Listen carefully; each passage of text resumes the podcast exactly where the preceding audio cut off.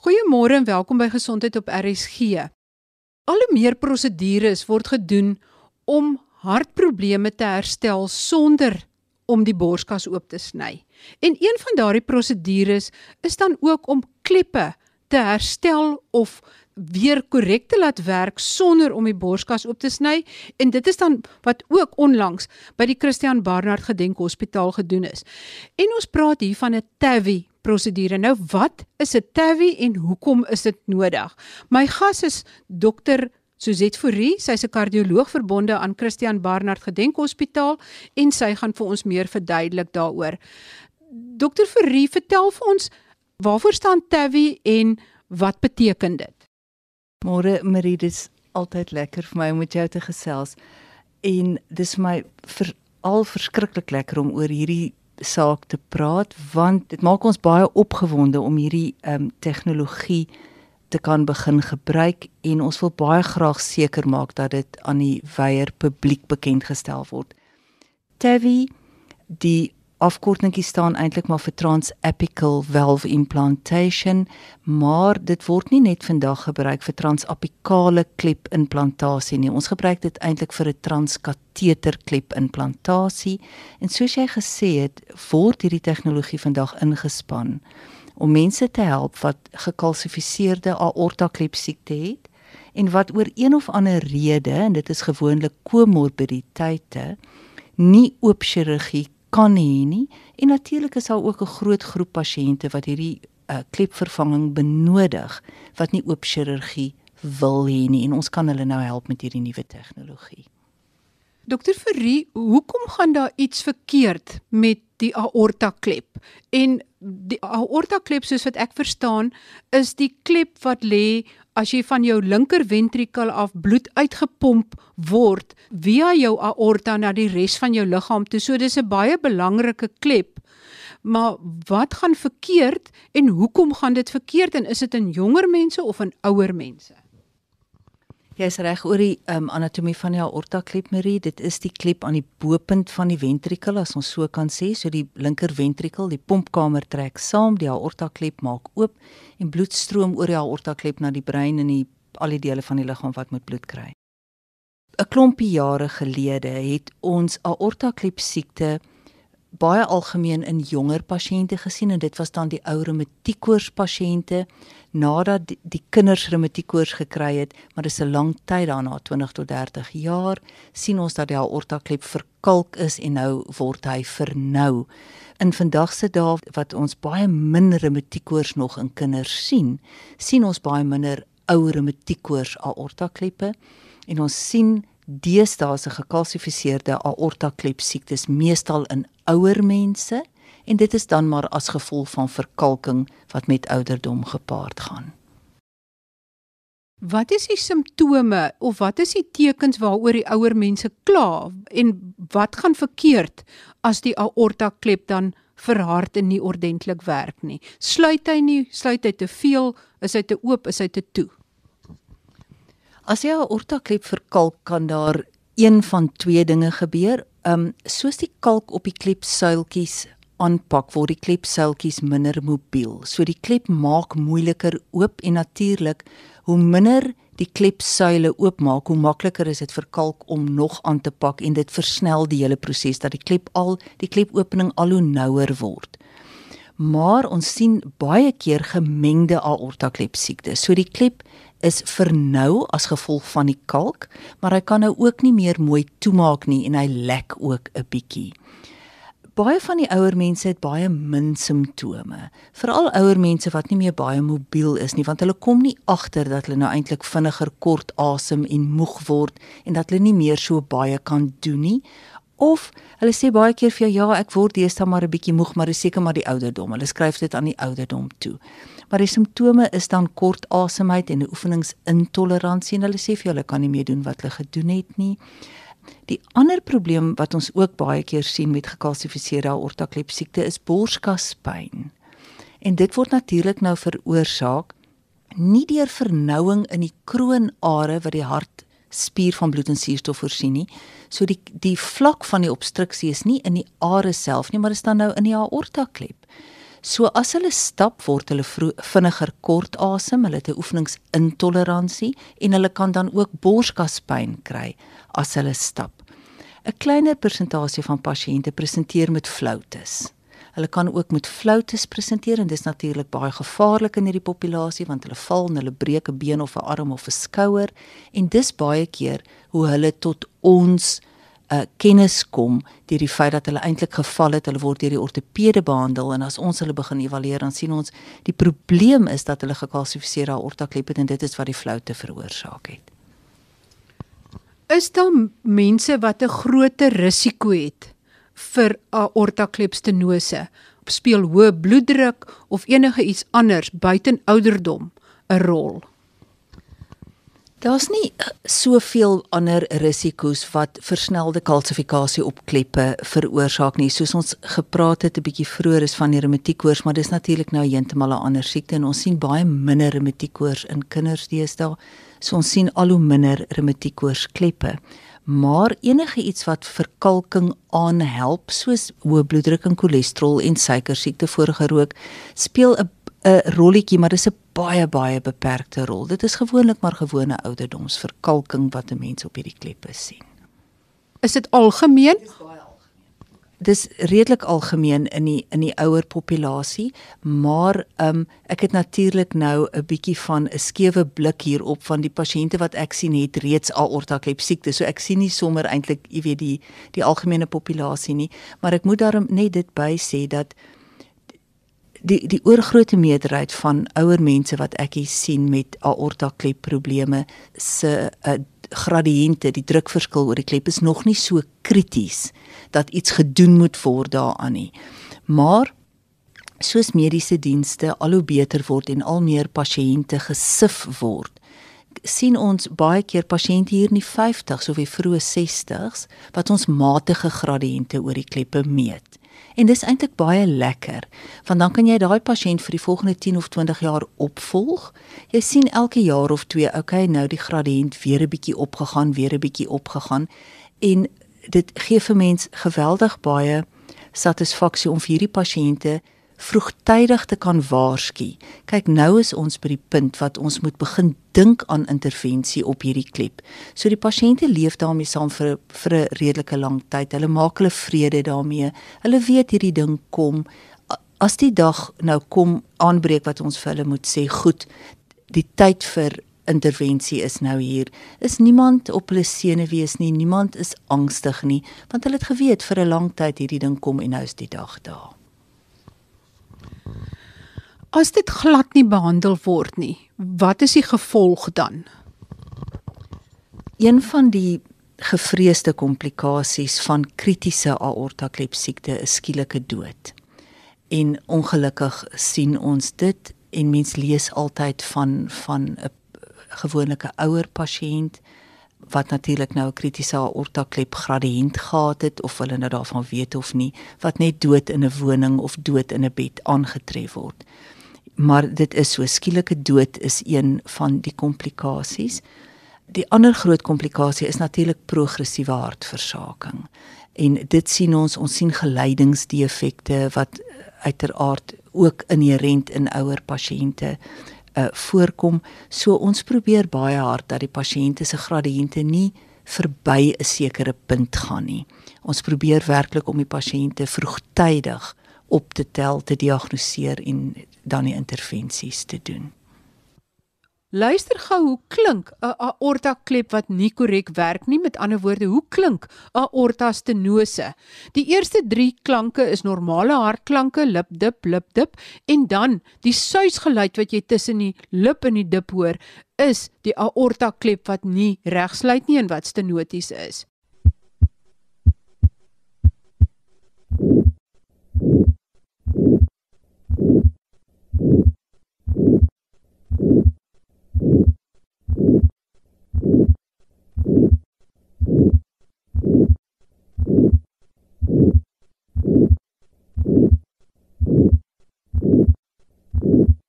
Ek sit nou die gesprek voort met dokter Suzette Fourie, sy's kardioloog verbonde aan die Christian Barnard Gedenk Hospitaal in Kaapstad en sy en 'n tweede kardioloog, Dr. Jacques Sherman, is die span wat nou die aorta kleppe herstel sonder dat die borskas oopgesny word en hulle doen dit spesifiek by hierdie hospitaal.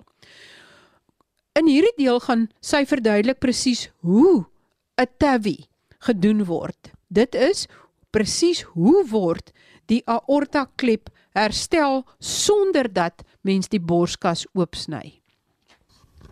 Dan wil ek weet, hoe doen julle dit? Van waar af gaan julle in? Wat is dit wat julle insit en uh, hoe maak julle om dan die aorta klep weer funksioneel te kry sodat hy nie te oop of te toe is nie? Daar's twee benaderings wat 'n mens kan volg. Die een is dan van die lies af in die femorale slagaar deur die aorta tot by die aorta klep en dis die een wat wat ons natuurlik verkies. Ek is seker pasiënte verkies dit ook want dit is werklik um totaal non-indringend. Um maar ongelukkig is nie alle pasiënte vir daardie prosedure geskik nie as die uh, die slagare in die lies baie kronkelend is, dan kan ons nie die stelsel deur die slagare in die lies reig tot bo in die aorta nie want ehm um, die stelsel wat ons gebruik is maar 'n redelike groot en 'n rigiede stelsel. Die ander manier wat mens dan ook by die aorta kan kan uitkom is om 'n baie klein snytjie te maak, dis seker en dan 'n punksie te maak in die punt van die hart in die apex en dan die aorta klep deur die ventrikel te bereik. So dit is die twee benaderings wat mens kan volg. Daar is inderwaarheid nog 'n benadering en dit is bo van die nek af. Hulle noem dit transaorta wat jy dan die deur die aorta gaan en ook die klep van bo af benader. Dis nie 'n benadering wat eintlik in ons land gevolg word nie. So in ons land is dit of van die apex af of van die lies af. As mens dan nou die liesbenadering vat, maak ons 'n baie klein snytjie in die lies. Ons sit die hele stelsel in die slagaar in die lies. En as ek praat van die stelsel, wat dit is, is eintlik soos 'n stent en soos jy weet 'n stent is 'n slotted metal tube. Nou die die stents wat ons in die kroonare sit. Ek is nie seker wat die Afrikaans daarvan is nie. Ek het al spaltjie gehoor en allerlei ander name, maar eh, stent is algemeen bekend. So die die stents wat ons in die kroonare sit is mos hol binne, nê? Nee, dit is hierdie slotted metal tube wat ons opblaas met 'n ballon en ons los hom in die kroonare. Nou hierdie klep wat ons nou insit is eintlik 'n klep binne in 'n stent. So dit is 'n stentjie wat nou die slotted metal tube is en in sy binnekant is daar die klepsuile wat wat nou die nuwe klep gaan word. En op ons stelsel word hierdie nuwe klep wat nou die stentjie met die klepsuile binnekant is, gepars op 'n ballonnetjie. En wat mens dan doen is jy moet nou hierdie stelsel wat nou die die stent en die klep is binne in die pasiënt se eie klep kry. Die posisie is natuurlik absoluut essensieel want as jy 'n bietjie te diep in die ventrikel is, het jy 'n ritskomplikasies. As jy 'n bietjie te vlak is, dit wil sê te ver te ver uitstaan in die aorta, het jy weer eens 'n ritskomplikasies. So die posisionering van hierdie stentjie is absoluut essensieel en die oomblik wat jy nou jou regte posisie het, dan blaas jy die ballonnetjie op waarop die stent nou gepars is. En soos jy die ballon opblaas, sit die stent uit en sy klepseiltjies ontplooi en daar sit hy en hy doen nou die werk van die pasiënt se eie klep wat nou eintlik in die periferie vasgedruk word deur hierdie stent. En is daar verskillende groottes of is dit 'n standaard grootte en hoe weet jy dat dit die regte grootte is? En dan sê maar jy sit die uh, nuwe klep in en dit lek nog steeds langs die kant verby of op 'n ander plek. Wat doen jy dan? Jy ken al die komplikasies. Ehm um, dit, dit daar is nie standaard grootte nie. Daar's 3 groottes en dit hang natuurlik af van die pasiënt se liggaamsgrootte, maar veral van die deursnit van sy annulus wat maar die die ringgedeelte as ek dit so kan noem van die aorta klep is. So voor die tyd terwyl ons die prosedure beplan, doen ons baie moeite om seker te maak dat ons die deursnit van die annulus weet. Ons meet dit op verskillende maniere. Ons meet dit met 'n sonar wat in die kamers gedoen word, maar ons doen 'n toegewyde RT uh, waar die radioloog ons ook help om die annulus baie baie akkuraat te meet en dan daarvolgens besluit ons wat 'n groot klep vir die pasiënt gaan pas. Want dit is absoluut waar wat jy sê, as jy 'n te klein klep in 'n te groot annulus gaan sit, dan gaan hierdie ding mos nou daar ronddryf en loskom en of afgaan in die ventrikel wat 'n katastrofe sal wees of opgaan in die aorta en deur die stelsel wat 'n katastrofe gaan wees. So dis absoluut essensieel dat die grootte perfek gemeet word. As die klep ingesit is en jou posisie is absoluut perfek, jou grootte was perfek en die volume waarmee jy hom opgeblaas het was perfek, dan behoort jy nie 'n groot lek te kry nie. Maar natuurlik kan 'n mens nie vir elke eventualiteit voor die tyd beplan nie. Ehm um, jy kom baie keer daar en jy jy maak die klep oop en dan is daar een suiltjie van die pasiënt se se ou klep as ons dit nou maar so kan kan sê wat dalk so erg verkalk is wat jy nie mooi kan wegdruk nie en daar kry jy 'n bietjie van 'n lek. So dit is so mens kan 'n bietjie van 'n paravalvulêre lek kry, bietjie verby die klep lek en dan moet jy besluit hoe jy dit gaan hanteer. En daar's eintlik net twee maniere. Jy kan 'n bietjie oordilateer post dilateer om die klep 'n bietjie groter te maak, bietjie beter sy sit te laat kry in die annulus. Maar baie keer is dit nodig om nog 'n klep in te sit. Dit dit is al gedoen. Ek was self nog dank die Vader nie by so ene betrokke nie, maar dit kan gedoen word as daar werklik 'n ernstige paravalvulêre lek is. En hierdie word natuurlik ook met elke pasiënt voor die tyd beplan. As ons 'n werklike katastrofe kry, dan is ons gereed om voort te gaan met oop chirurgie en dan konvensionele chirurgie te doen. As jy 'n tweede klep moet insit, sit jy dit binne in die eerste klep of langs die eerste klep? Dit hang natuurlik af van wat die komplikasie is, maar beide is moontlik met ander woorde in die toekoms is dit nou nog 'n manier wat mense nie oop hart chirurgie hoef te ondergaan nie. Wie is 'n ideale kandidaat?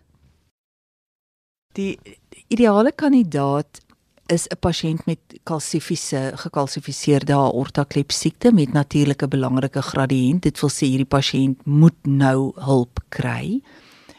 Dan soos ons ons het reeds gepraat oor die kronkeling van die vate, dit is absoluut essensieel. Die die ander ding wat 'n mens net hier dalk moet by sê is baie baie van veral die ouer mense word afgekeur vir chirurgie as gevolg van komorbiditeite. Um gewoonlik is dit nierprobleme of longprobleme. Um hulle word geag as 'n te hoë narkose risiko vir natuurlik 'n baie lang prosedure op die hart-long masjien en um, hulle word afgekeur vir chirurgie. Die die ander feit wat 'n mens dalk ook net moet aanraak is baie van die ouer mense sien nie meer kans vir so groot prosedure, 'n groot sny in die borskas, verlengde narkose, hart-long masjien, 'n verlengde hospitaalverblyf na die tyd sukkel om oor die ding te kom stadige mobilisasie met die konkomitante probleme van tromboses in die been, tromboses in die longe, infeksies, daai hele ding nie. En nou het ons daarmee tegnologie wat ons vir hulle kan aanbied. Julle kan nou die aorta klep so herstel. Wat van die ander kleppe? Weet wat uh, die mitrale klep of die tricuspidale klep wat tussen die atrium en die ventrikel het, tussen die ontvangkamer en die pompkamer aan die linker en aan die regterkant. Die, die heel nuutste tegnologie in die wêreld is nou reeds gerig op die mitraalklep. En dit is natuurlik nou waartoe ons ook op pad is. Ons wil baie graag so 'n program ook begin. Ons het besluit om om eers die TAVI program baie goed op dreef te kry en seker te maak um, ons pasiënte doen absoluut fantasties en hulle is baie tevrede en ek moet sê hulle doen fantasties en hulle is tevrede maar dit is waartoe ons ook op pad is um éventueel. So die die heel nuutste tegnologie daar is om klip as ek dit so kan doen rondom die mitraalklep te sit. op die oomblik is daar nog nie goeie tegnologie om die mitraalklep heeltemal te vervang soos die aorta klep nou nie. Maar baie keer is dit nie vir 'n chirurg nodig om die mitraalklep heeltemal te vervang nie. Baie keer is dit net nodig om 'n klipie rondom die annulus te sit. En dit kan nou ook van die lies afgedoen word. Soos ek sê dit is nog nie in ons land gedoen nie, maar dit is die volgende tegnologie wat sal volg. En is daar enigstens probleme met die pulmonale klep? Dis nou aan die regterkant van die hart waar die bloed uit die regter ventrikel uitgaan na die longe toe. Wo is dit soms nodig om dit te herstel en is daar al nie ingrypende prosedures nie? Die pulmonale kleppe is is gewoonlik meer die veld van die pediatriese kardioloog en ons ons kollegas dokter Pribbet en en dokter Vosloo werk mos nou baie daarmee. Hulle sien baie kongenitale probleme, um kindertjies wat gebore word met gewone komplekse kongenitale hartsiekte en deel van dit is die pulmonale klep ook. So volwasse kardioloë sien eintlik relatief min pulmonale klep probleme. Dokter Fourie, wat sou jou boodskap wees in 'n neete dop? Marie, dankie dat jy dit vra. Ons wil baie graag hierdie boodskap aan die breër gemeenskap daar buite bring dat daar werklik nou 'n totaal non-indringende manier is waarop mens aortakleppe kan vervang. Die suksessyfer is regtig absoluut hoog. Ehm um, dis totaal non-indringend. Die pasiënte word wakker na narkose hulle sit regop, hulle eet aandete of middagete wat die geval nou ook al mag wees en hulle is eintlik reg om die volgende dag huis toe te gaan. So um, ons boodskap is dat mense asseblief moet onthou dat daar nou 'n non-indringende manier is om aortakleppe aan te spreek. Baie dankie aan dokter Suzette Fourie, kardioloog verbonde aan die Christian Barnard Gedenkhospitaal wat vir ons vertel het hoe werk TAVI en dit is spesifiek hoe die aortaklep herstel word of gehelp word om beter te werk sonder dat die borskas oopgesny word. Volgende week gesels ek met 'n psigiater oor Alzheimer en ek gesels ook met 'n kardioloog wat terugrapporteer oor enkele aspekte van 'n kardiologie kongres in Frankfurt, Duitsland. Skakel dus gerus weer volgende week in. Groete van my, Marie Hudson. Tot volgende week.